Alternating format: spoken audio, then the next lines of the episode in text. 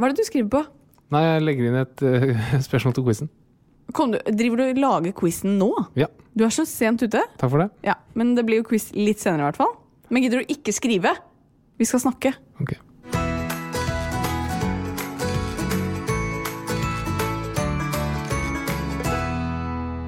Hei og velkommen til Åpen journal. Takk. Du gleder deg alltid til å si det?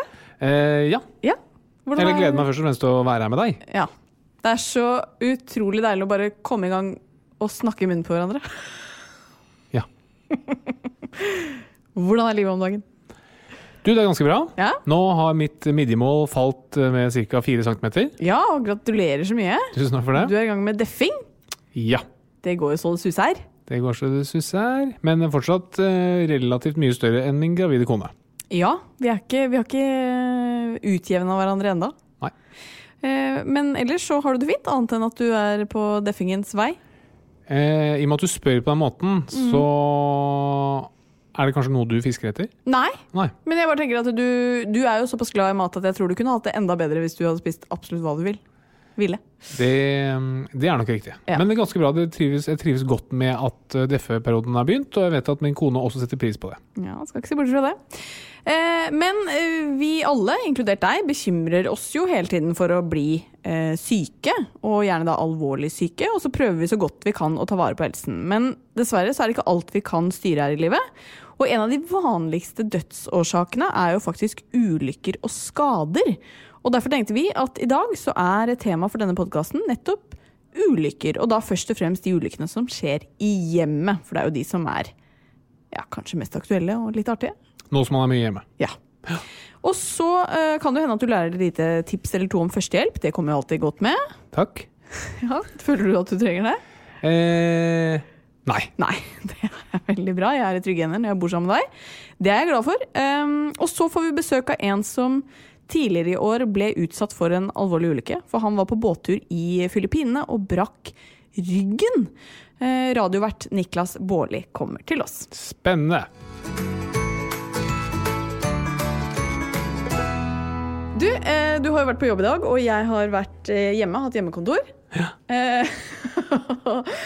og um... Du ringte meg jo på jobb i dag Ja. og sa at nå hadde du en historie til podden. Og først tenkte jeg det er jo superbra. Innholdet er veldig fint. Ja. Så begynte det å snike seg inn en liten mistanke om at jeg kanskje ikke kommer så godt ut av den historien. Jo, vet du hva, du kommer egentlig Du kommer godt ut av denne. Ah, Eh, sånn i hvert fall eh, Ikke nødvendigvis rent økonomisk, men, eh, men du kommer Du kommer relativt greit ut av den. mm. Mm. Fordi du vet at jeg eh, Jeg har jo en tendens til å bruke penger. Det kjenner jeg til veldig godt. Glad i å bruke penger. Um, men jeg, har liksom, jeg føler jeg er ganske flink med penger, egentlig. Det vet jeg at du føler. Det Og jeg. jeg, respekterer at du føler det. Jeg føler at jeg er det. Um, men eh, noen ganger så bruker jeg jo liksom eh, penger på ting du tenker kanskje er litt unødvendig. Ikke så rent sjeldent. sjeldent. Og i dag så har jeg uh, holdt på å bruke 13 650 000 kroner som jeg ikke har. Ved en feil. 13 millioner 750 000 norske kroner? Ja. Hva har du gjort, da? Ikke se sånn på meg. Å, herregud. Nei, ikke sant, fordi du og jeg er jo, vi er jo litt på husjakt om dagen. Ja. Eh, og i den anledning så følger jo Jeg melder meg på ofte på sånne bud... Jeg melder meg ikke på budrunden, men jeg vil gjerne opplyses om hva som skjer i budrunden, ikke sant? Og i dag så var det et hus som eh, det var full budrunde på. Kjempefint hus og sånn, men vi skal jo ikke kjøpe det huset. Um, og så underveis så får jo jeg da bud, budene inn på SMS. Ikke se, så- se sånn på meg, jeg blir så stressa av det. For dere som ikke ser nå hvordan Harald ser på meg, så er du så Du er sånn du er når du er veldig skeptisk. Jeg er veldig skeptisk. Ja.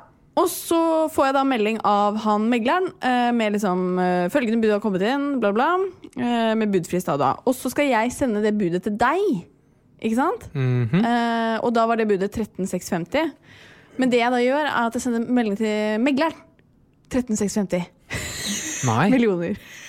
Skrev du til megleren? Jeg skrev melding til megleren.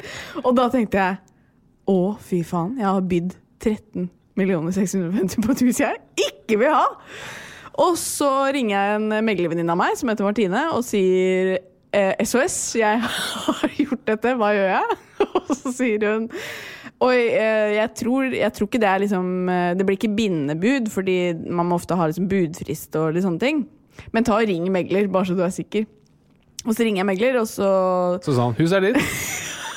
og så sier, så jeg dette er litt flaut, men eh, jeg har ikke tenkt å kjøpe det huset. Men jeg har sendt deg ei lita melding med 13 650 Eh, Er det mulig å glemme den? Og da lo han heldigvis veldig godt, og så sa han eh, du, det går veldig greit, eh, det er ikke bindende det du har sendt, og til eh, din lettelse så kan jeg si at det har kommet inn et bud på 13750. Og da sa jeg ja, men så bra, det er i hvert fall noen som har bydd mer enn meg. Takk for at jeg fikk være med.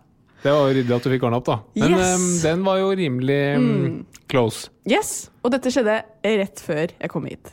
Jeg har vært så svett, Harald. Hvilken historie. Ja, det er jo innhold for podden, det kan du si, men sånn rent økonomisk så hadde jeg ikke veldig lyst til å ringe deg og si at vi har kjøpt hus. Du trenger verge, du. ja, jeg trenger verge.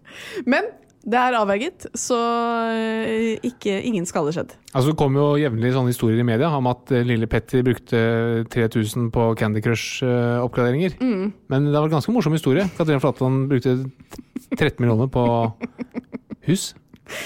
Ja, det løste seg heldigvis eh, veldig fint. Men apropos barn, så venter jo vi barn. Ja. Ja, det er ingen overraskelse for verken lytterne, deg eller meg. Eh, Men eh, det som følger med en liten baby i magen, det er jo at man gjerne diskuterer navn, da. ja. Det, de må jo ha navn på et tidspunkt. De. Eller altså, alle barn må ha det. Ja, ok, for vi venter bare én. Det tror jeg stemmer. Ok. Em, og nå har jo ikke vi Vi har lyst til å egentlig holde det litt hemmelig enn så lenge om det er gutt eller jente, fordi vi syns det er litt koselig å ha den hemmeligheten for oss selv. Mm -hmm. um, men uh, vi diskuterer veldig mye navn om dagen. Uh, er enige om en del vi liker, men samtidig er du en type som har veldig sånn forhold til navn. Ja. Ja. Vil du, vil du utdype det forholdet? Nei. ok, greit. Nei, men du er sånn, hvis du har møtt en på en konsert i 2003 som het det, så liker du ikke det navnet, på en måte? Nei, Man får i hvert fall veldig forhold til det. Eller jeg gjør det, da. Jeg ser alltid for meg personer når jeg hører navn. Ja. Eh, og det er for så vidt greit. Um, men eh, ja, vi diskuterer mye fram og tilbake. Men eh, det jeg syns er gøy når det kommer til navn, er at du har jo alltid hatt et favorittnavn før du fikk vite hva slags kjønn vi skulle ha på barnet. Ja, og det har jo vært at jeg tenkte vi kunne kalle, hvis det blir en gutt, kunne kalle vedkommende for Jan Halvard. ja.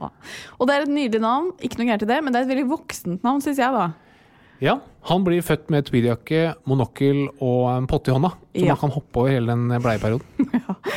Eh, og så må du kanskje forklare hvorfor du syns det navnet er så fint. Ja, min far heter jo Jan, og din far heter Halvard. Ja. Og det er to fine fyrer som jeg syns kunne vært eh, hyggelig å oppkalle noen etter, hvis vi en eller annen gang får en sønn. ja. Eh, jeg tror ikke det er på lista eh, mi, egentlig. Er det Nei. greit å si? Hvis det er en jente, tenkte jeg vi kunne oppkalle henne etter en av mine ekskjærester. ja, ikke sant? For de har du så mange gode minner med. Absolutt. Ja. Så hyggelig. Ja, men vet du hva, da, da tror jeg kanskje jeg skal klare å finne et par artige navn fremover òg, hvis, uh, hvis det er sånn vi begynner. Men eh, det er i hvert fall en liten jobb som gjenstår, uh, før vi kanskje er helt sikre på hva den lille babyen skal hete. Ja, kanskje Mats Hansen. Ja, for det er et veldig sjelden navn, har vi lært. Yes. Ja. Overraskende sjelden. ja, Det er ikke 65 000 i Norge som heter det. Nei. Um, Utrolig nok. For Utrolig mange, nok, ja. mange vil kanskje synes det er overraskende, men det er altså ikke 65 000 som heter Mads Hansen. Men det vi kan si uavhengig av om vi sier at det er jente- eller guttenavn vi leter etter, er jo at eh, jeg tror både du og jeg er ganske tradisjonelle. Eller? Ja. Og du er vel åpen for å, å oppkalle den etter en sponsor? Hvis noen er villig til å legge litt penger på bordet? Ja, altså Skal ikke utelukke det hvis det er snakk om mye penger. Nei, guri malla, det er vi ikke, altså. Men, eh, men eh, vi får se etter hvert. Kanskje vi spør om eh, hjelp fra lytterne våre. Hadde men, du kalt uh, ungen din for Coca-Cola for fem 5 millioner kroner? Nei, er du gæren? 100 millioner kroner? Nei. 1 milliard kroner? Mm, begynner å snakke, snakke gode penger. En milliard Coca-Cola. Da blir det jo Coca. Det er ikke bra, vet du. Hvis det hadde vært noe annet, hvis det hadde vært uh, Svane, eksempel. Ja, det for en milliard? Jeg var uh, 100 millioner. Nei, jeg liker milliard... eh, Hadde du for 100 gullene. millioner kalt den Svane? Nei, nei. Hadde du? millioner- Ja, selvfølgelig. Nei, nei, nei, har du klikka for deg, eller? Ja, selvfølgelig. Ja, men svane doble Ja, svane var for så vidt ikke så dumt. Hvis du Putter det på lista. hadde du kalt det grønt returpunkt for eh, 500 millioner Ja, bare sånn, Jeg tror dere lyttere skjønner hva jeg står i om dagen. Det er, eh, det er mange dårlige forslag fra Haralds sin side, og så er det mange gode fra meg. Men eh, til de annonsørene vi nå har nevnt, eh, send meg en DM, da vel. Skal vi se hva vi får til.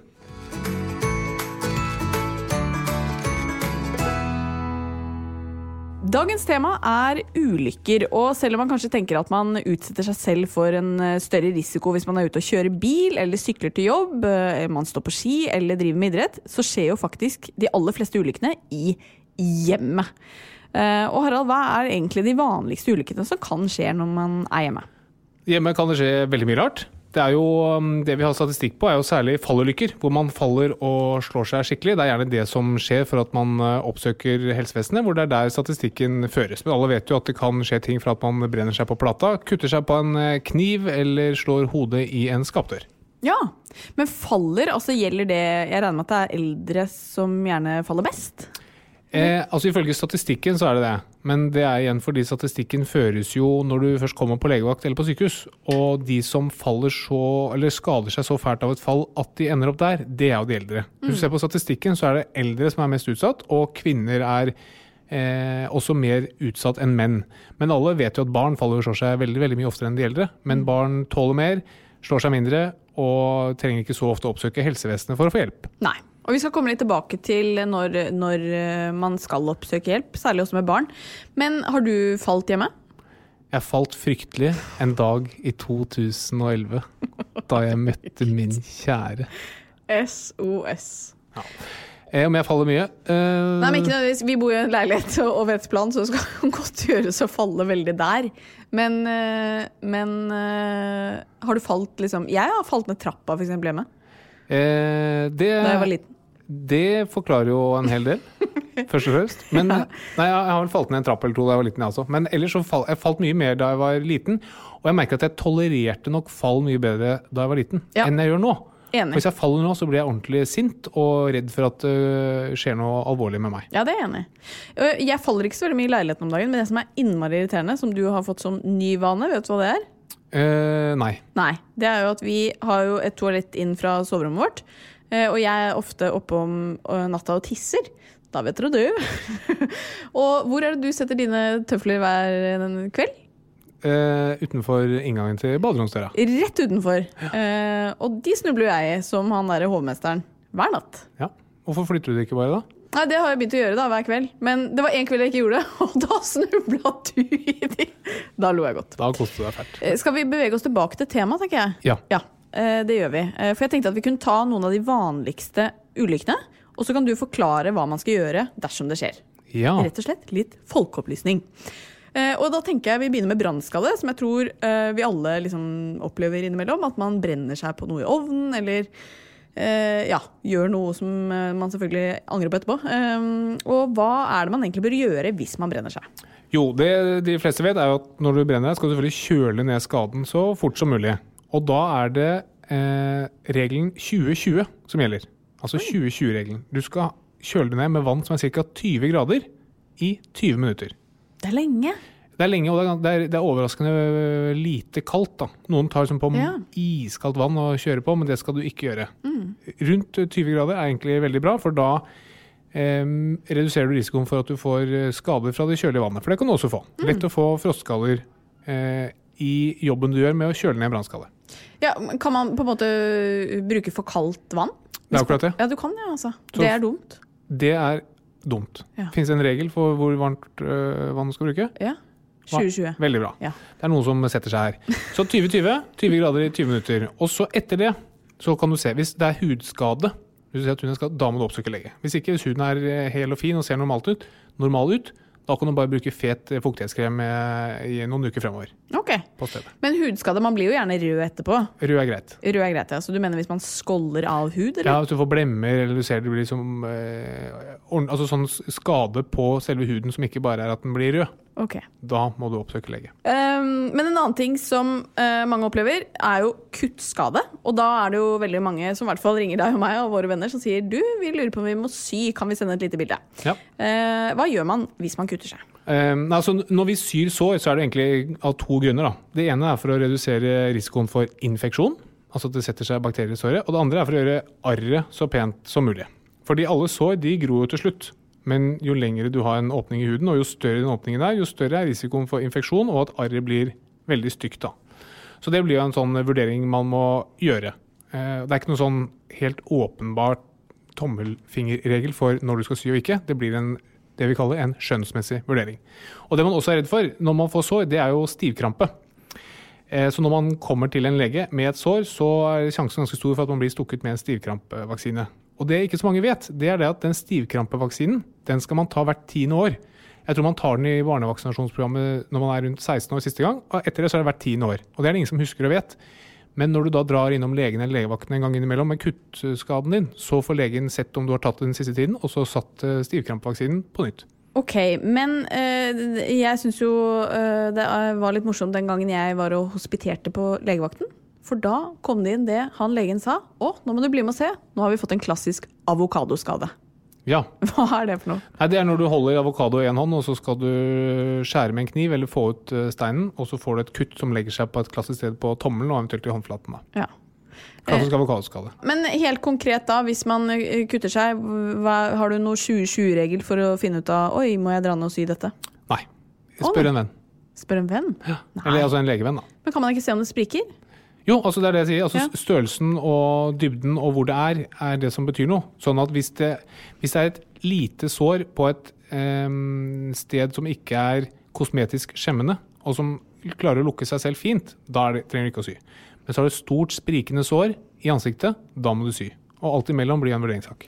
Ja, og så kan du jo på en måte kutte det der hvor man ofte har eh, På en finger, da, hvor man ofte bruker den, og det derfor blir sprikende fordi du beveger den, ikke sant? Ja. Bør de ofte sys? Oftere sys? Yes, helt okay. riktig. Men det, det finnes ikke noen sånn 20-20-regel her, dessverre. Eh, og så er det jo eh, dessverre også sånn at noen ganger så kutter man seg ikke bare litt i fingeren. Du kan jo også kutte av en finger, ikke sant? Absolutt. Eh, eller andre lemmer, for å si det sånn. Eh, hvis du er skikkelig dust. Tenkte du på et dust. spesielt lem? Ja, så kan det skje. Eh, men hva, hva skal man egentlig gjøre hvis man kutter av seg eh, en finger, da? Da skal du ringe etter hjelp, og da er det stort sett 113 som gjelder. Og så skal du bare pakke inn det avkuttede lemmet i et eller annet, litt eh, rene håndklær eller plastikkposer eller sånt, og så legge litt kaldt rundt. Isbiter f.eks., eller kaldt vann. Ikke rett på fingeren med isbiter, igjen, da blir det froskade, men holde det litt kjølig. For en sånn eh, noe som er amputert, det holder seg i live i eh, noen få timer. Hvis du kjøler det ned, så kan det holde opp mot nesten et døgn. Men eh, ta så ring 113, og så forteller de deg hva du skal gjøre. Ja. En annen vanlig skade er jo eh, at man faller. Eh, og da er det jo ofte spørsmål om enten eh, brudd eller særlig hjernerystelse. Og vi kan ta hjernerystelse på voksne først. Eh, hva bør man gjøre hvis man faller og slår hodet? Det som er veldig viktig å vurdere når man har slått hodet, det er om det har vært bevissthetstap, altså om man har vært bevisstløs, og hvordan man er etterpå. Hvis du ikke har vært bevisstløs og er helt normal etterpå, så går det bra.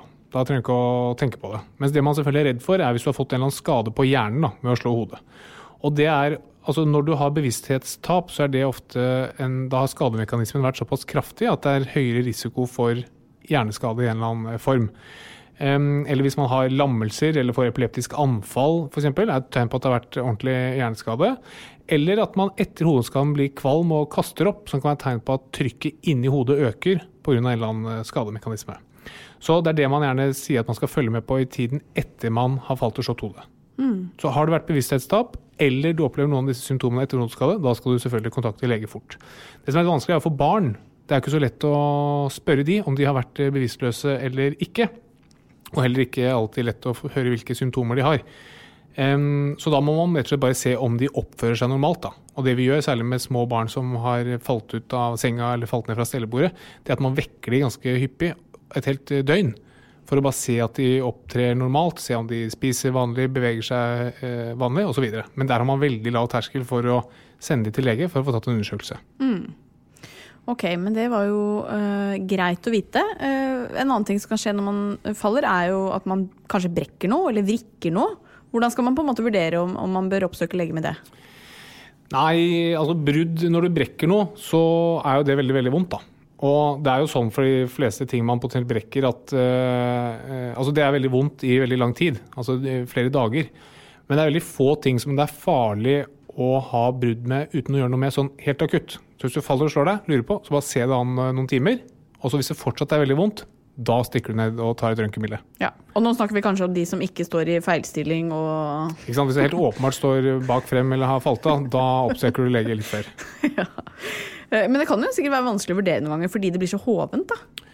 Ja, det er veldig vanskelig. Så det er derfor, altså Hvis du går til en lege og sier 'hei, jeg har veldig vondt i denne foten', så fyrer jo legen av et røntgenbilde uansett. Mm. Hvis du sitter i nærheten av et røntgenapparat. Ikke sant. Eh, vi var litt inne på barn. Eh, barn kan jo gjøre mye uten å helt vite hva de holder på med. De kan jo putte fingre inn i sånn strømstøpsel. Støpsel, ja. er det det det heter? Eh, ja. ja. Hva kan skje da? Altså, alt i kroppen styres jo av strøm. Altså, Hjernen vår og hjertet vårt og måten vi koordinerer muskler på, alt er jo strømbasert. Altså, strømskader er egentlig litt skummelt. Og det som også er med strømskader, er at du kan ha ganske stor indre skade uten at det er så mye tegn på skade utenpå. Så hvis du har strømskade i en eller annen form, annet enn hvis du tar på sånn kugjerde, så oppsøk lege. Noe både barn og voksne kan gjøre, er jo å, å, drikke noe som man ikke skal få i seg. Og rett og slett bli forgifta. Kanskje barn oftere enn eh, voksne, men, eh, men, hva gjør man hvis man har helt nedpå en flaske med salmiakk? Ja, det det håper jeg ikke noen gjør, for det er forferdelig farlig. Men det man skal alltid gjøre, bare ring Giftinformasjon. De er døgnåpne, alltid tilgjengelig, utrolig flinke. Så bare ha klar eh, emballasjen på det man har fått i seg. Ring og spør. Ja. Så enkelt er det. Og hvis noen er eh, bevisstløs, f.eks., fått i seg noe er eh, bevisstløs, så skal man bare sikre at de har frie luftveier. så at de klarer å puste vanlig. Og da, Det vi pleier å anbefale, er å legge i stabilt sideleie. Og hvis du ikke husker hvordan det er, så bare husk at de skal ha fri åpning foran munnen, og at de også skal kunne kaste opp uten at de tetter sine egne luftveier. Ja, Så legge på sida. Legg på sida. Mm. Det som er som fin huskeregel, er hvis folk er um, bevisstløse og ikke puster, da skal man starte hjerte-lungeredning. Hvis de er bevisstløse, men puster, da er stabilt sideleie et fint sted å starte. Og så ring alltid etter hjelp. Mm. Ja, Hjerte-lungeredning er jo da uh, kjennetegnet ved regelen 32. Eh, og det tenkte jeg, eh, kan vi egentlig bare ta helt sånn kjapt. Du nevnte det litt. Når skal man egentlig vurdere om man skal gi det? Eh, hvis du kommer over noen som er bevisstløse og som ikke puster, eller som puster unormalt, da skal man egentlig starte med hjerte-lungeredning 32. Og det, du gjør, er at du tar over funksjonen til både hjertet og lungene. Hjertets jobb er å pumpe blod rundt i kroppen, og lungenes jobb er å få oksygen inn i kroppen. Eh, og det du gjør, 32, det betyr at du skal gjøre 30 brystkompresjoner. Altså da bare presser du brystkassen til vedkommende ned 30 ganger, og så tar du to innblåsninger inn i munnen. Og frekvensen du skal ta disse 30 brystkompresjonene, det er 100 ganger i minuttet. Eller 100 BPM, beats per minute. Og så er det sånn at det fins en sang, det fins mange sanger, men særlig én sang som har en frekvens som er ca. 100 per minutt. Slagfrekvens som er ca. 100 per minutt. Og hvilken sang er det? Stud med. Stand Aline. Eller Staying Alive. Ja. Å ja. Herlighet. Jeg har alltid tenkt at det er Men det har jo vært brukt en Stena Line uh, Det tror jeg er riktig. Ja, ja. reklame. Men, uh, det er lettere å huske Stena Line. Ok. Men jeg, da. Men du kan ta den, vær så god. A, a, a, a, Stena Line, Stena Line. Den, nå sang jeg litt for sakte, da, men det er ca. 100 per minutt, så det kan du synge for å vite takten du skal um, gjøre brystkompresjoner. Ja. Og det brystet skal presses ganske langt ned. Mm. Rundt 5 cm. Klem til. Ja, og der, for der er det jo litt viktig å si at noen ganger så kan det gå noe ribbein når man gjør det der, men, men heller det, da. Det er yes. ikke noe farlig. Også det du skal huske på er at Hvis du lurer på om du skal gjøre hjerte-lungeredning på noen, så er de sannsynligvis i så dårlig forfatning at du får ikke gjort så mye gærent. Dette er folk som, som, er, som dør. Mm døden er en prosess. Det er ikke noe sånn plutselig er du død. Så det, det, er noe som skjer. Så hvis du, folk er bevisstløse og ikke puster eller puster unormalt, da er de sannsynligvis døende. Og da, mm. alt du gjør da er uh, bare bra. Ja. Så hvis du ikke treffer på antall centimeter eller hvor du skal komprimere, eller sånn, det spiller ingen rolle. Bare kjør på. Ja. Og en annen grunn til at folk ikke puster, er jo rett og slett eh, at de kan drukne. Og det kan skje i badekar. Uh, og derfor tenkte jeg at du bare helt raskt også kunne si hva man skal gjøre hvis man frykter at noen Eh, har fått i seg vann i lungene. Eh, ja, eller altså drukna. Igjen, bare samme. Bare se. Er de bevisstløse, og puster de? Hvis de er bevisstløse og ikke puster, kjør i gang. 32. Sånn som alltid. Hjerte-lungeredning. Men bare ring etter hjelp. Fordi det er veldig tungt å drive med, og det, du må alltid få ringt 113 før du setter i gang selv. Det er veldig viktig. Ja. Hvis de er bevisstløse, men puster normalt, da er det stabilt sideleie, og så ringe etter hjelp. ja. Gode råd. Da er vi alle litt bedre rusta for å ikke skade oss i hjemmet. Ja, veldig bra. Og bare husk det at jeg tror problemet er nok hovedsakelig at folk ikke gjør noe. Altså Man er veldig redd for å gjøre noe gærent, men, men når man kommer i situasjoner hvor det står så dårlig til med folk, så er det lov å jo, eh, ikke nødvendigvis prøve seg, men det er alltid bedre å få noe hjelp enn ingen hjelp. Og som han eh, lege Dag Jacobsen sa på nyhetene, veldig flink type, han sa det at i akuttmedisin så skal man huske Paretos prinsipp, altså 80-20-regelen. Og det er at gjør du 80% riktig i en akuttsituasjon, så er det stort sett mer enn nok. Ja. Så ikke, ikke vær redd for hvordan. Bare ring etter hjelp og sett i gang med det du tror er riktig. Det var veldig mye sånn tallregler her i dag. 80 og, og 20, 20 og 32 og Ja. Det rene mattetimene, der, si. Ja. Men det er, man må ha huskeregler, for man, man klarer ikke å huske på ting. Men 32, det er viktig å huske på. Eh, og disse andre reglene som jeg nå har glemt. Altså. Jeg husker den. 2020. Veldig bra. Bra. Hvor mange isbiter var det? Eh, ingen? Veldig bra.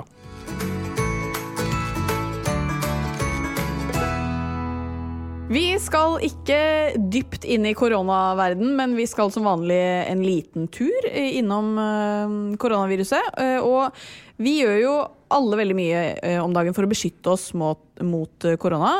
Vi får veldig mye råd fra alle mulige, ulike kanter.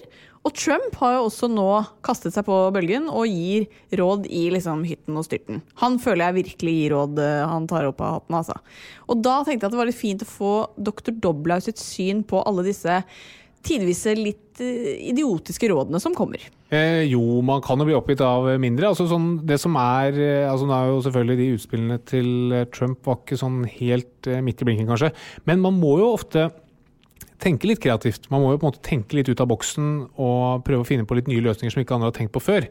Men jeg tror kanskje vi skal overlate til folk som har en bakgrunn som gjør at det er høyere sannsynlighet for at de treffer med disse forslagene sine. Og det er jo helt greit å komme med sånne forslag så lenge det ikke får noen konsekvens. Så lenge ikke man begynner å agere på de forslagene. For det er først da det blir skummelt. Ja, Men hvordan skal man liksom klare å sile ut de gode rådene fra de dårlige? Nei, det er det jeg ikke tror du kan. Så jeg tror man skal bare være veldig flink til å se på kilden. Altså Er det noen med relevant bakgrunn som sier noe, så må du ta det for god fisk. Og er det noen som ikke har noe de skulle sagt, så får man bare la det gå. Men jeg tror nok kanskje man skal gå litt i seg selv og så tenke sånn Er dette noe jeg har eh, peiling på? Eh, hvis ikke, så kanskje bare la det ligge. Ja. Han Preben Aavitsland, eh, som er eh, overlege i Folkehelseinstituttet, hadde et eh, bra intervju med han i Dagens Næringsliv her for litt siden. Og hvor han sa at eh, eh, det er blitt sånn at Vi leger tviler på en måte mye på det man gjør selv, og man tviler på hverandre, og som er en ekstremt sentral del i det å være lege. At man hele tiden er nysgjerrig og ser hva som fungerer og hva som ikke fungerer. Men det må ikke bli sånn at folk tror at fordi vi begynner å tvile på hverandre, at vi ikke har rett, eller at, vi, at det ikke finnes noen sannhet. For det gjør det. Og selv om jeg som forsker sier at dine forskningsresultater er kanskje litt sånn og sånn, så betyr det ikke at eh, kvaliteten er dårlig. Og det betyr ikke at hvem som helst kan stikke fingrene i været og si at du, nå har jeg et godt innspill. Men det skaper jo mye tvil, da. Det må jeg jo si. Ja, men det, men det er kjernen i evidensbasert eh, medisin. da. Sånn at Jeg kommer med et eller annet forslag. Du, nå skal vi prøve mm, årelating for ryggsmerter f.eks.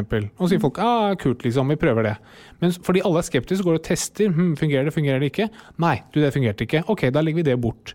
Det er jo um, den store forskjellen til alternativ medisin f.eks., eller homopati. Noen sier sånn hm, du, jeg prøver en sånn liten pille for smerter i ryggen. Og så sier så alle ja, ja, kult, liksom, vi tester det.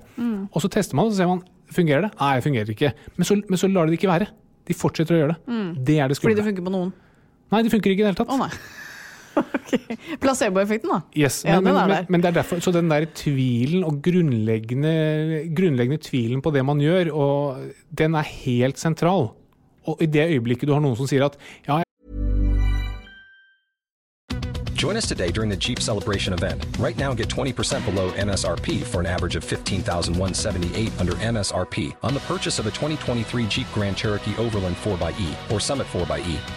Not compatible with lease offers or with any other consumer incentive offers. 15,178 average based on 20% below average MSRP from all 2023 Grand Cherokee Overland 4xE and Summit 4xE models in dealer stock. Residency restrictions apply. Take retail delivery from dealer stock by 4 1. Jeep is a registered trademark.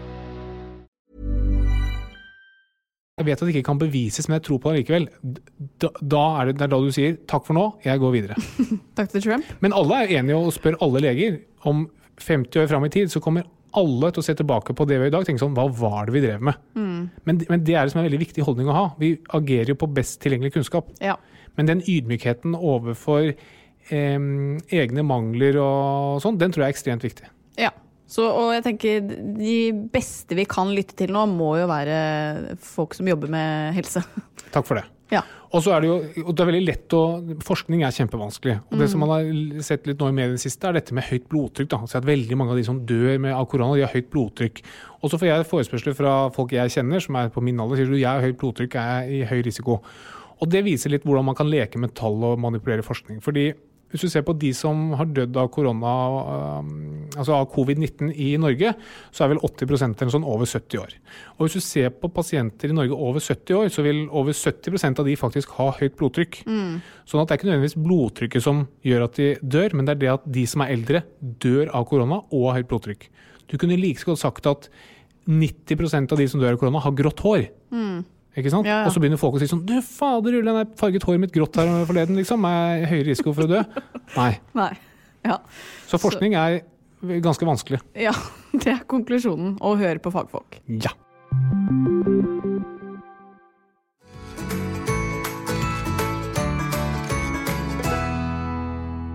I studio nå så har vi en eh, nydelig latter, og det er av radiovert eh, Niklas Baarli. Hjertelig velkommen. Tusen takk for det. Det er en god latter du har der, altså. takk for det. Jeg er født med den. Ja. Men da er du heldig, er- for, for min mann er jo født uten. Har du ikke latter? Nei, Er det sant? det er helt sant. For du er sånn, du er nikker. Jeg nikker og Ja. humrer og, Ja. og smiler, jeg, håper jeg og, og liker å tro. Men det er ikke så mye lyd av. Så utrolig kjedelig å se humorfilm med deg. Ja, ja, ja. ja. Eller spille en podkast med, Det er også med diverse humoristiske innslag. Ja. Men nå uh, fyller jo du liksom kvota, Niklas, så det er veldig veldig fint. Jeg skal le ekstra, jeg lover. Så takk. bra. Men um, vi uh, skal uh, ta for oss litt av hvert etter hvert. Men akkurat nå så vil jeg høre hvordan du har det nå om dagen. Altså midt i koronavirusets herjingstider. Du, jeg har det blodsukker som ringer. Jeg skal bare skru av den.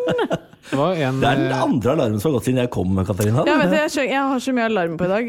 Beklager. og gjett hvem som fikk rikelig med kjeft og påpakning på at all lyd måtte skrus av. Det er sant. Det var er meg. Ja, Men blodsukker er viktig å passe på, da. Ja, og blodsukkeret nå er det på stell. Ja. Eh, så eh, da kan du få lov til å fortelle hvordan du har det. okay. Jeg har det, jeg har det ganske bra. Jeg ble jo sykemeldt eh, idet korona kom. Så jeg, jeg har liksom ikke tenkt så mye på det koronagreiene. Nei. Fordi jeg har uansett ligget inne og vært, og vært sykemeldt. Det var ikke sånn at du hørte um, rådet fra Katarina Flatland på radio ca. i, i, cirka i mars? Nei, det var februar. Nei, det var februar, Hva var eh, tipset? Hun eh, ble spurt om hun var dette koronaviruset, om det var noe å bry seg om. Hvor Katarina svarer at nei, akkurat det er jeg ikke så veldig bekymret for. Det er så deilig å ha kommet med den spådommen. Det er fantastisk. Du er, du er hun som ikke trodde på internett. Ja, ikke sant, jeg vet det. Døgnflue. Ja, nei, jeg, jeg, jeg, så, jeg var jo den som dro til Asia når korona liksom blussa opp i Asia. Ja. Så Har det vært spekulert i om du var den som tok eh, koronaviruset til Asia? Du, eh, det har det ikke. Nei. Det har det ikke. Jeg, jeg er ikke flaggermusen, jeg lover. Men jeg ble, når jeg kom hjem til Norge, så hadde jeg koronavarsel på meg. Så de nekta å ta med meg i ambulansen. Vi kommer sikkert til dette. Men Oi. så når jeg sto på Gardermoen der, i sånn lift, for jeg fikk ikke lov til å løfte Jeg kunne ikke ja, Hva er det det het for noe? Tømmerstokkregime. Tømmerstokkregime. Så jeg fikk ikke lov til å løfte en finger eller en tå. Så jeg måtte liksom liftes ut og inn av flyet og sånn. Eh, Og så når jeg endelig hadde kommet ut av dette flyet etter 35 timers reise 35 timers reise, så står det en sånn Røde Kors-ambulanse og sier sånn Du har korona, du får ikke lov til å bli med. Så sa jeg sånn Hva er det du sier for noe? Så, så ligger jeg der mens de driver og ringer rundt. Sånn. Til slutt så reiser jeg meg opp, for da, jeg så da har jeg ligget der en halvtime 40 minutter og hørt på de der surrebukkene stå der og nekte å ta meg med. Så reiser jeg selv om jeg har tømmerstokkregime, reiser jeg meg og sier sånn Jeg har brukket ryggen! Jeg skal inn i ambulansen! Jeg skal til Ullevål sykehus, jeg skal det nå! Og da, eh, da tok de meg med. Det sto mellom psykiatrisk og Ja, altså det var, var, det var rett før det rakna. Det er eneste gang jeg har vært ordentlig sint på tilfeldige mennesker. Men jeg føler vi bare må, vi må til liksom rotens kjerne, Fordi her er det mye å ta tak i. Du forteller om en reise til Asia, og vi må bare begynne der. Du Ja. reiste på tur med Ronny fra P3 Morgen. Ja, min gode venn og forlover. Ja, forlover òg, ja, ja, ja. Ja, når skal du gifte deg? Nå skal jeg ikke ta alt skulle gifte oss i høst, da, men det blir jo 2021 nå, da. Det blir 2021. Ja. Ja. For jeg har over 100, altså det kommer litt an på hva Abid Raja bestemmer seg for nå på torsdag. Ja, tenk Eh, at Så, han så mitt bryllup ligger i hendene til Abid Raja. Det hadde jeg aldri trodd det kom til å skje. Skal være helt ærlig. En mann med det håret der skal få lov til å styre over mitt bryllup. Nå har han klippa seg. Ja, Men det, det hjelper ikke. Nei, det er Fortsatt enig en mann med det håret Ja, der. jeg så sånn sak sånn, ja, han så sånn Det kan ikke gå med håret her, ser helt forferdelig ut. Og så var det sånn etter klippet, det var helt likt. Jeg vet det. Du har, du har alltid sett en rævføtt på håret, Raja. Ikke skyld på korona. Du må passe på da, at han ikke holder det stengt ut 2021 nå. Men Ja, da blir du sur på Jeg deg. beklager, jeg legger meg flat umiddelbart. Åh, nei, ok, men du, du skal gifte deg etter planen I september. I september, ja. Ja, men jeg tipper jo at det ikke er lov til å ha over 100 mennesker i september heller, så da ryker det. Men eh, ja, vi dro på ferie med Ronny. Ja. Og der brakk jeg ryggen. I en båtulykke, som jeg kaller det. Det var jeg som letta fra setet i båten i et fall. I et bølgefall. Smalt mot setet og brakk eh, T12-virvelen. Jeg knuste T12-virvelen i et såkalt kompresjonsbrudd. ja. Dette kan du masse om. Jeg kan masse om det. Men eh, skjønte du at det hadde skjedd noe alvorlig gærent? Ja, det var det første jeg ropte når jeg lå på bunnen av båten. der, Så ropte jeg 'jeg har brukket ryggen'.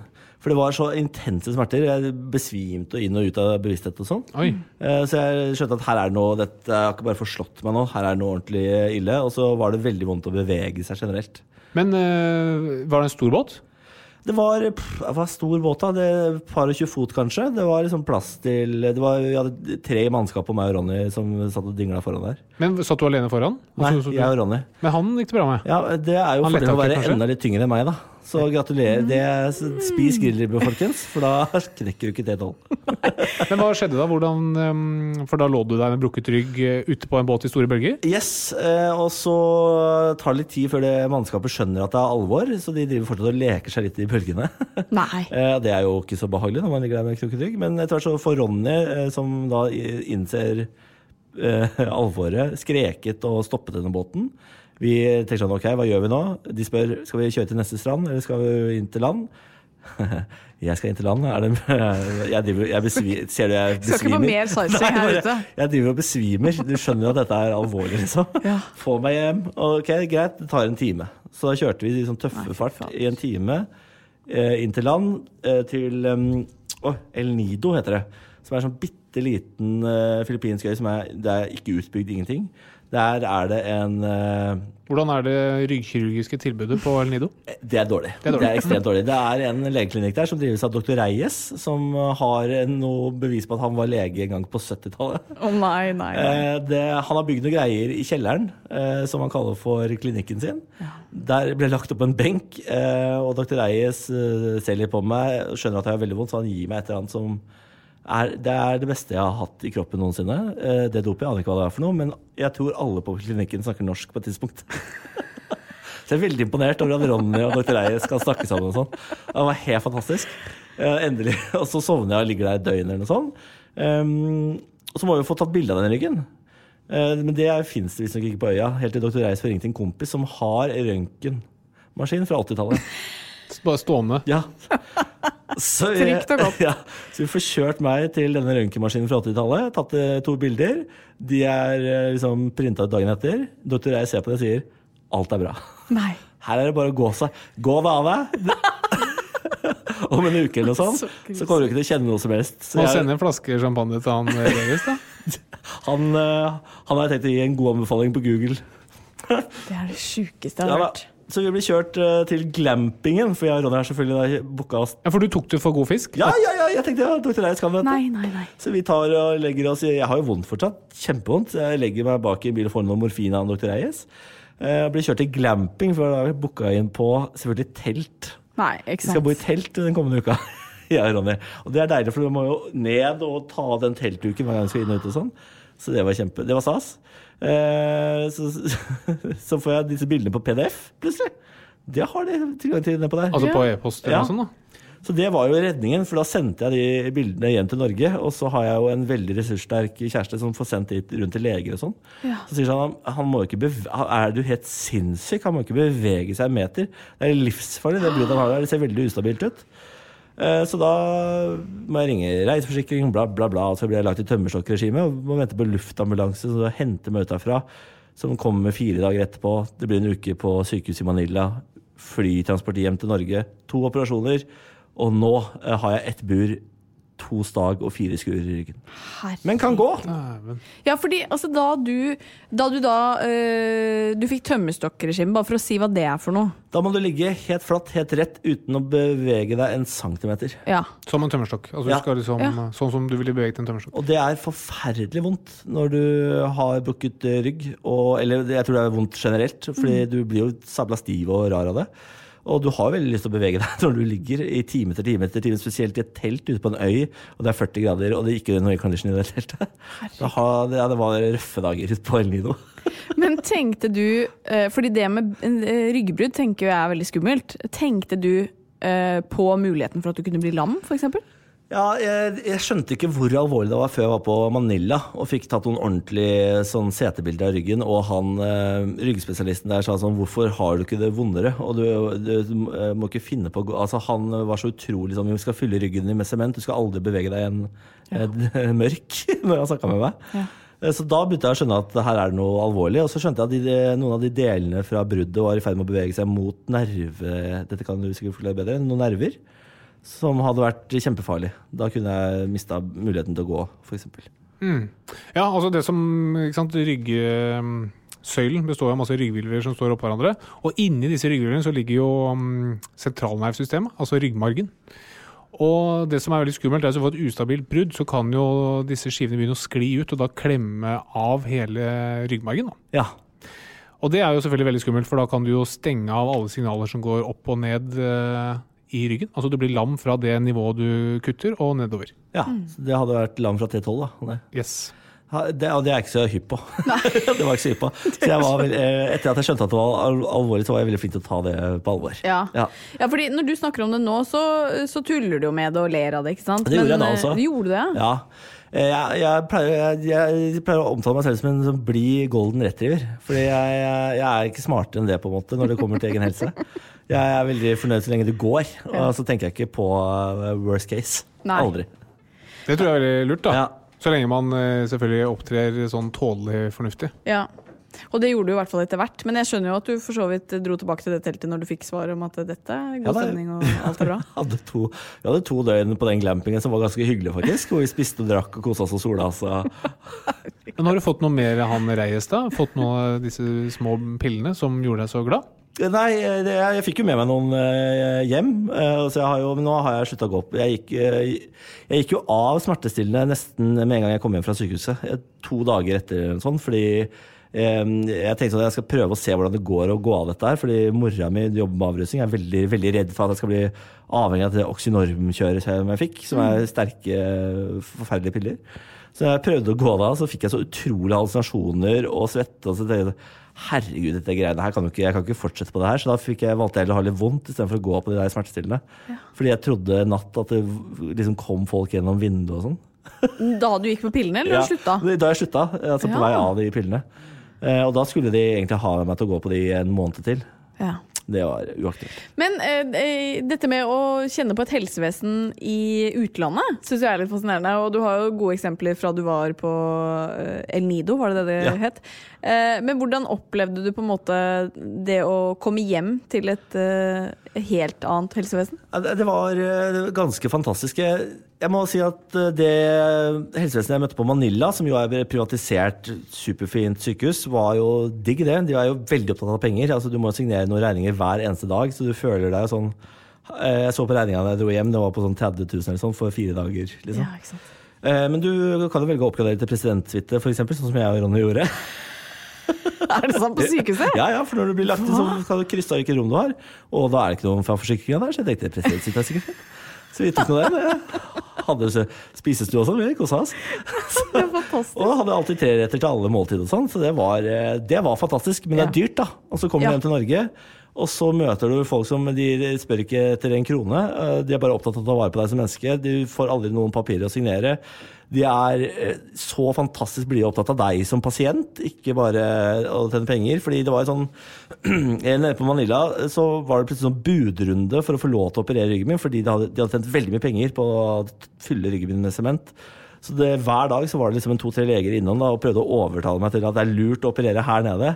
Kjempe. Vi har altså så gode metoder. Så jeg, kan de ha bedre metoder her på Manila enn på Ullevål sykehus. Det tror jeg ikke noe på. Nei, Jeg er veldig. Ullevål. Men det, der, altså den, det helsevesenet vi har i Norge er så fantastisk, og det offentlige helsevesenet det setter man ikke nok pris på før man skjønner um, alternativene. da. Nei, Det er så klisjé å si det, nesten. Sånn, og det følte når jeg, for jeg, når jeg var ferdig med dette, så la jeg ut en sånn Instagram-post og takka det helsevesenet. Men, og så starta jeg med å si sånn dette er klisjé. Men det er, altså, klisjeen er ekte. Det er en grunn til at det er klisjé, for det er så fantastisk bra. De er så flinke, de er så omsorgsfulle. Og det, altså, ting gikk så radig. Det var åpenhet i alt de tenkte og gjorde, og alle farer. De var så solide fra start til slutt. Fantastiske folk. Og det å bli operert av en kirurg som ikke har noen annen interesse enn eh, ditt velvære, det er ekstremt viktig. Ja. Fordi når man er eh, ryggkirurg i Norge, om du opererer deg med den metoden eller den metoden, eller om du opererer deg eller ikke, har ingenting å si. Nei. Det er ikke noe lønnsinsentiv, ikke noe sånt. Og det, man skjønner ikke hvor viktig det er før man havner i nettopp den situasjonen som du gjør. Men folk klager på norsk sykehusmat. Det skjønner jeg ikke av. Altså, jeg fikk jo en meny som var fi- fire sider lang, som jeg kunne velge mellom. Ja, det var helt sprøtt. Altså, folk klager jo på 24 timer i døgnet kunne jeg få mat. Ja. Det var helt fantastisk. Jeg var helt over. Er du klar over hvor mye sjokoladepudding jeg spiste på det sykehuset? Fy faen. Altså, du kan bare ringe i bjella, og inn kommer den nydeligste sjokoladepudding, og det kommer eh, spagetti à la Capri, holdt jeg på å si. Spagetti. Oi. Jeg er fra Moss, ok? Det er julen min, Anne. Spagetti bolognese og det ene med det tredje er fantastisk. Ja da, og det, det er eh, Altså, jeg får ikke sagt det nok, og man skal um, Man erkjenner ikke før man sitter i den situasjonen som du var i, da. Nei. Det har jo gått bra, men vi må jo liksom høre hvordan det er med deg i dag. For du er, du er sykemeldt, sier du? Ja, jeg er 100% sykemeldt til midten av juni i første omgang. Fordi jeg tåler jo ikke en dritt. Jeg driver jo nå og går tur hver dag for å liksom få pusten tilbake. For jeg gikk jo 50 meter Når du har vært sengeliggende, hva var jeg? Fem uker? Seks uker sengeliggende. Så det det forfallet av menneskekroppen, det er helt sinnssykt. Og jeg hadde ikke mye til bevegelse før det, men det lille jeg hadde, var åpenbart nok til å gjøre at jeg i hvert fall fungerte i hverdagen. Men 50 meter i ganger så var jeg liksom helt utslått, måtte legge meg eh, og sove en time når jeg kom hjem. Men nå klarer jeg i hvert fall å gå Nå gikk jeg fra trikken hit, og det tok vel en sju minutter og med en bakke. Ikke andpusten. Ny, eh, ny pers, da. Veldig bra. Ja, ja, Veldig ja. bra. Så man må gå hver dag, litt lenger for hver dag, helt til man får vondt, og så hjem og legge seg. Ja. Ja. Og smertemessig, da? Det, eh, jeg må si, jeg tror jeg har hatt eh, utrolig flaks. Fordi ryggsmerter er jo noe av de eh, verste smertene man kan ha, har jeg skjønt. Men jeg har nesten ingen av de. Jeg har bare vondt når jeg liksom bruker ryggen. mer enn jeg tåler akkurat nå. Men når jeg sitter, ligger, går, så er den helt fin. Så det er bare vondt når jeg tar i et tak, og det skal jeg jo egentlig ikke gjøre før om et år. Men så er, trenger man å gjøre i stand terrassen, så gjør man litt sånne dumme ting, og så driter man seg ut, og så må man ligge i to dager, da. Men er du, er du en type som liksom ofte har skadet deg? på en måte, Eller er dette liksom første gang du har vært ordentlig dårlig? Det er første gang jeg har vært på sykehus. Ja. Eh, Jeg, har jo, altså, jeg hadde jo kyssesyken, liksom, som er det sykeste jeg har vært før dette. Så har jeg knokket en finger en gang. That's it. Ja. Jeg er, eh, jeg har, men eh, jeg har jo aldri vært så aktiv. Du må liksom være aktiv for å skade deg. Så hvis du ikke Det, det er et eh, tips jeg gir til alle der ute. Altså, det er livsfarlig å være aktiv. Sett deg i sofaen og dø heller litt tidlig, så slipper du i hvert fall et skadefylt liv. Ja. Men vi må jo eh, snart bevege oss til quiz. Stemmer ikke det? Ja. Jeg elsker quiz, vet du. Gjør du det? Jeg elsker quiz. Jeg har aldri vunnet i quiz. Ikke en eneste quiz i hele mitt liv. Jeg er på quiz for ofte til å ikke ha vunnet. Men Men- i dag kan det hende at du faktisk vinner, for jeg er ikke noe, jeg er ikke noe god på de tullequizene Harald har. Og jeg er det tullequizer, ja. Altså, Ofte. hvis hun taper, så kaller hun det en tullequiz. Mens det er ingenting tullete ved quizen. Nei, for det er ekte spørsmål og ekte svar. Og... Helt riktig. Ja.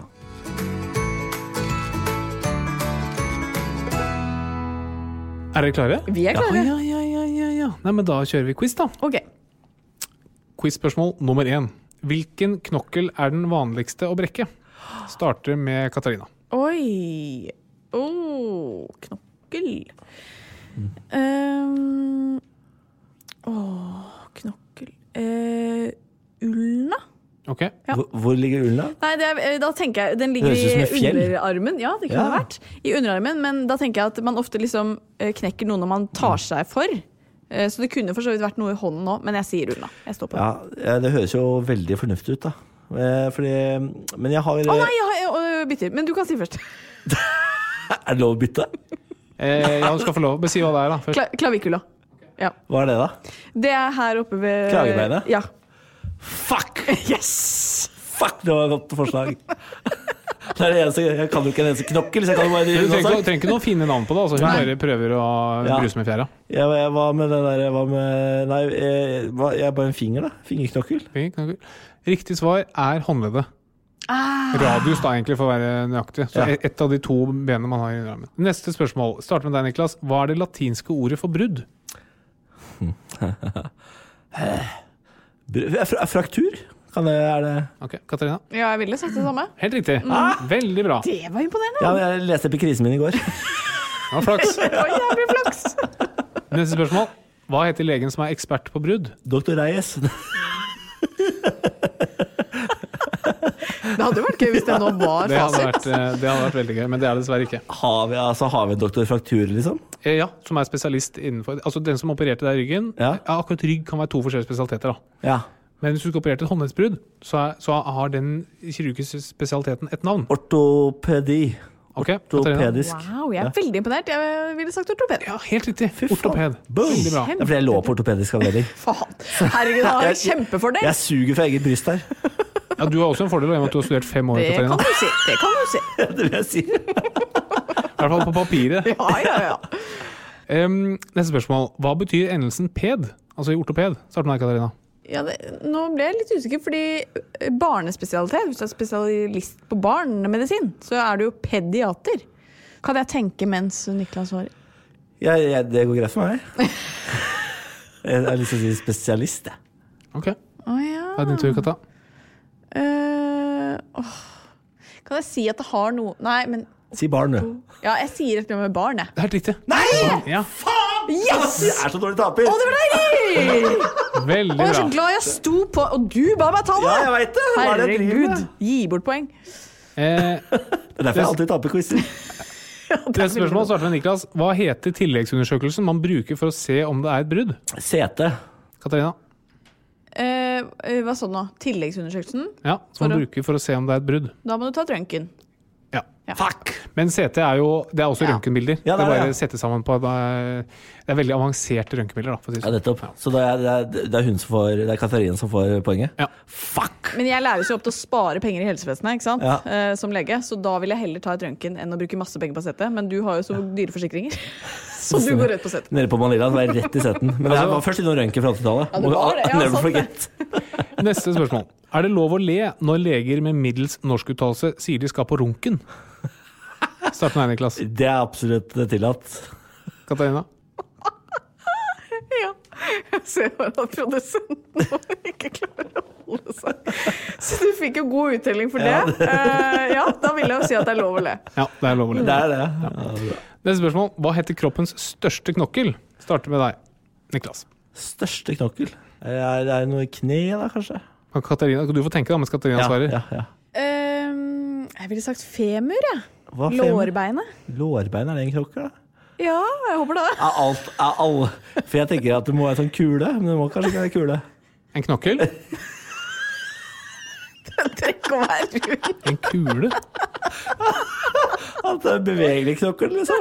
Hva heter det? Så Det er det er hva kule i et høl. At det så- så. Ja, altså, Altså, knokkel er bare et bein, da. Altså en Ja, det er stilt lårhalsen. lårhalsen. Ja. Er lårbeinet, da. Ja. Men lårhalsen er en del på lårbeinet. Men den får Katarina får. yes! Det syns jeg Katarina drar fra. Altså, men, Ja, jeg men, men du Hva har er stillingen? den, Jeg tror Katarina er tre opp. Hun er tre opp, ja. Det er jo ganske enkelt når han lurer på om knokkel er en rund greie. Ja, men det har vært øh, Jeg er helt enig. At, men, men fordelen du har av studert medisin i fem år Du har ikke dratt noe nytte av den fordelen på tidligere quizer. Nei, men i dag jeg det. Det gjør jeg Ja, absolutt. gjør jeg absolutt. Akkurat som det har skjedd noe. Um, neste spørsmål. Hvordan fikser man et brudd? Ja, det, uh, det er jo forskjellige måter, er det ikke det? Eh, b- både ja og nei. Altså, eh, ja, det er forskjellige Man måter. Men, stabiliserer og lar det gro. ok, Katarina. Ja, og så ville jeg kanskje jeg ville reponert det. Altså hvis det er i feilstilling, så satt det i riktig stilling. Og så ville jeg satt inn noen skruer for å få det til å holde seg der. Så hvis det stabiliserer etter det. Ja. Så det er helt riktig, Niklas. At du må bare sette det riktig, sette det riktig og holde det der. Og så, så gror det av seg sjæl. Ja. Noen ganger så holder det å, å bare teipe Hvis du har en finger som det er et brudd i, med, som står riktig, bare teip det til nabofingeren. Ja. Hvis du har et brudd i ryggen, Ja, det skal nå gro en, et år før de ser på det igjen. sant? så du, bare, du bare setter det riktig og sørger for at det holder seg sånn med dette buret du har i ryggen, og så gror det av seg sjæl. Så kroppen ordner opp selv. Så han får dette poenget? Det er det jeg er mest opptatt av. Ja, egentlig. Fy fader. Men nå er det ett spørsmål igjen. altså, Nei, da har du vunnet! Oi, man kan få tre poeng hvis han svarer riktig og jeg svarer feil. Oi, Oi, okay. herregud, så Ja, ja. raust. Ja, ja. Da er vi igjen på det latin, da. Ja. Jeg tenker hvor stødig du er i latin, Niklas. Ja, jeg klarte jo fraktur, da. Det gjorde du. Veldig bra. Hva er det latinske navnet på pikkbeinet? Nei. Ah, det er For brusk Har man bein i pikken? Jeg tror ikke man har det. Kan man brekke pikken? Nei, jeg spør deg, ja. Det er jeg som er quizmaster her. Ja, jeg, jeg stiller spørsmål tilbake, for det er åpenbart er det lurespørsmål. Uh, Da kan du få tenke, da, mens Ja, Katarina får hun se som hun tenker. Ja, jeg tenker veldig. Jeg har jo en gang kalt det for pedikulum eh, i en tidlig podiepisode. Det vil jeg ikke gå for. Nei? Jeg tror det heter noe rundt penis, men det jeg bare har lyst til å si til mitt forsvar, er at siden jeg har tatt så mye permisjoner fra medisinstudiet underveis Du driver og forsvarer det? Ja, men så er det én en, det er en modul som på en måte, siden jeg har hoppet over, eller liksom har hoppet mellom kull, eh, gikk glipp av, som jeg aldri har fått tatt. Og det er faktisk anatomi i tissen. Nei, det er anatomi i jentetiss og guttetiss. Så dette Ja. har ikke jeg hatt på studiet. Nei. Du har vel sett et mannlig underliv en gang? Ja, bitte, bitte liten har jeg sett. Da må du ha et svar. Hva er pikkbeinet? Hva er det latinske navnet Penis. på pikkbeinet? Ok, Niklas? det var feil. Det sa jeg på fjeset hans. Eh, jeg sier fallose. Man har jo ikke noe bein i pikken. Nei, det har Niklas- ikke Man kan jo brekke den. Ja, men det er bare Det er, det er, Ja. det er brusk, ja. er det ikke det? Det er Hun, tenk her nå. Hun har studert medisin i fem år. Ja, ja. Pikkbein. Pedikulum. Jeg har ikke hatt dette! Jeg har ikke hatt det! det Du har, det, er, du, altså, det du har i magen, er et helt tydelig objektivt bevis på at du på et eller annet tidspunkt sannsynligvis har sett en pikk. men ring fakultetet. Ta det med fakultetet, for jeg har vært der jeg skal være til enhver tid. Men de har glemt å gi meg anatomikunnskap i penis. Men jeg vant! Du vant faktisk. Ja, du klarer å lure meg ut av at du har ikke bein der. Så jeg var på det. Jeg var på det. Fy fader, så Jeg, har, jeg eier en penis, jeg. Og jeg, og du har liksom ja, nei. Ja, du har vært mer borti det enn meg. Jeg har vært altså, ekstremt mye borti det. Jeg har jo dobbelt opp i senga hjemme. Men likevel. Ja, ja. Jeg har mine egne andre, så det er fader så mye peniser. Og du tror at man kan brekke den. Men det er jo fordi man har hørt det. Men du kan faktisk brekke den, da. Ja, Man det kan man det. Ja, men du brekker bare ikke Det er ikke beinet, liksom. Du får en eh, altså det er sånn stivt bindevev um, Ja. Men, men man kaller det et, bru- et, eh, det er ikke for seg brudd. Det er ikke fraktur. Det er ikke fraktur i pendulum, var det det du kalte det? Pedikulum. Nå syns jeg du hovererer her med Ja, det stemmer. Jeg Men det tror vi må- taper. Den konklusjonen vi må trekke, er at noen må jo hjem og studere litt penis. Nei. Nei, dessverre. Det tror jeg vi Kanskje, Tror du jeg kan få betalt av Det medisinske fakultet for å holde penisanatomiundervisning på hjemmebane for studien Studiemenn Flatland? Det spørs det høres ut som du har litt dårlig utstyr til det. Fy Hva, har jeg gjort galt? Nei, det lurer jeg også på. Jeg, eh, altså, jeg vant denne quizen, så jeg driter egentlig i hvordan dere har det. Ta, si sånn, ta fram fornøyd. de store hanskene. Nå skal det undervises, undervises i penis. Ok. Før vi avslutter, har du et genialt eh, helsetips? Eh, ja, det har jeg. Eh, og det er hvis du har noen eldre rundt deg, foreldre, besteforeldre eller sånn, ta, ta en tur hjemme hos de og minimer risikoen for at de faller hjemme. Ja. Fordi for de eldre så kan det være ganske katastrofalt. Eh? De faller, de brekker lårhalsen, kommer på sykehus, uh, blir operert, og så dør dessverre veldig mange av de. Så hvis de kan unngå å falle, det er kjempebra. Det man kan gjøre, Ta bort alt du kan snuble hjemme, sånn tepperyer, tepper, karmer hvis det lar seg gjøre, og sørg for at det er godt lys. Men de brekker ikke tissen. Det gjør de ikke. Det gjør de. Eller de kan det. Ja, de kan. De kan De kan faktisk det. Hovedsakelig den mannlige delen av den eldre befolkningen. Du, tusen hjertelig takk Niklas, for at du kom. Tusen takk for at jeg fikk komme. Det var en glede å få høre at det går bra med deg. Det er vi veldig glad for. Ja, det, altså, det skal mer til å drepe denne kua her. Ja, det er jeg helt sikker på. God bedring, Takk for det. og så er vi tilbake neste uke. Takk for det. Ha det! Hei då.